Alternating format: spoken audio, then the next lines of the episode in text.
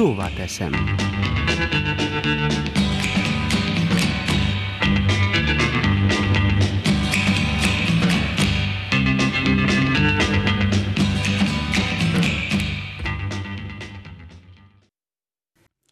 Kedves hallgatóink, húsvét napja van.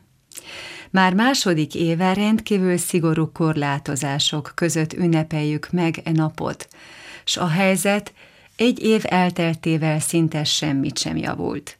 Sőt, a járvány korábban soha nem látott erővel tombol, és már több mint 12 hónapja el kell viselnünk, amely kihat az egészségünkre, és viseljük gazdasági, mentális és szociális következményeit is. Az idei ünnep még az óvatosságról is szól. De nagyon remélem, hogy utoljára. Úgy érzem, hogy ismét egy börtönben találtuk magunkat. Nem is tudom kifejezni azokat az érzéseket, amelyeket a mindennapi élet leállítása indított el bennem. Tudom, hogy bele kell törődni a helyzetbe, és a korlátozásokkal együtt kell élni mindennapjainkat.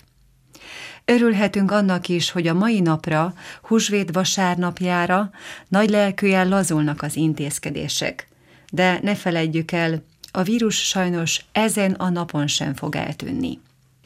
A húsvét egy családi ünnep a keresztény világban, amely reményt kelt, de úgy érzem, ebben az évben nehéz lesz bármilyen reményt is kelteni. Magam is érzem, hogy egy ideig tart a pozitív hozzáállásom, de nehéz ezt folyamatosan fenntartani, és úgy érzem, nagyon sokan mások is így vannak ezzel. Ha a beszédbe elegyedek valakivel, akkor nagyon érzem a kétségbeesést, a haragot, a bizonytalanságot, és olyankor nagyon elszomorodom. Egy jó ideig hittem abban, hogy a biztonsági intézkedéseket egyféle mentésnek kell érteni, de ma már nem így állok hozzá. Csupán elfogadom. Korlátozva, kiátszva és becsapva érzem magam. Egyrészt azért, mert újra a legsérülékenyebbek, a gyermekek helyzete van veszélyben. Mivel újra nem tudnak óvodába és iskolába járni, a szülőknek kétségbe esetten át kell szervezniük az életüket. Ismét azok vannak nehezebb helyzetben, akik az elmúlt hónapokban nem saját hibájukból nem tudtak dolgozni. Úgy érzem, mintha egy saktáblán lennénk, ahol mi vagyunk a figurák, és közben a játékos felek, a politika, azt csinálnak velünk, amit csak akarnak.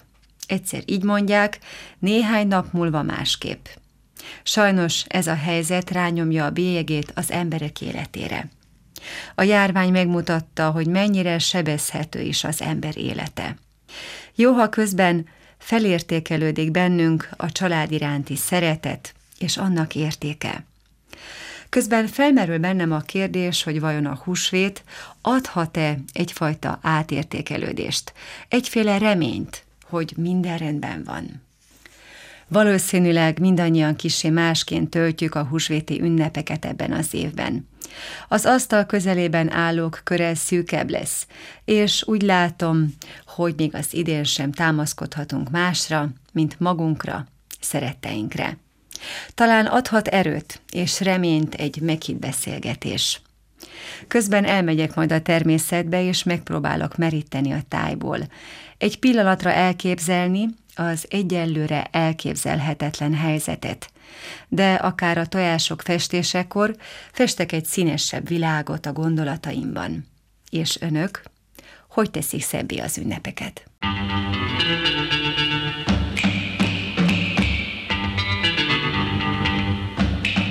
Szóval teszem.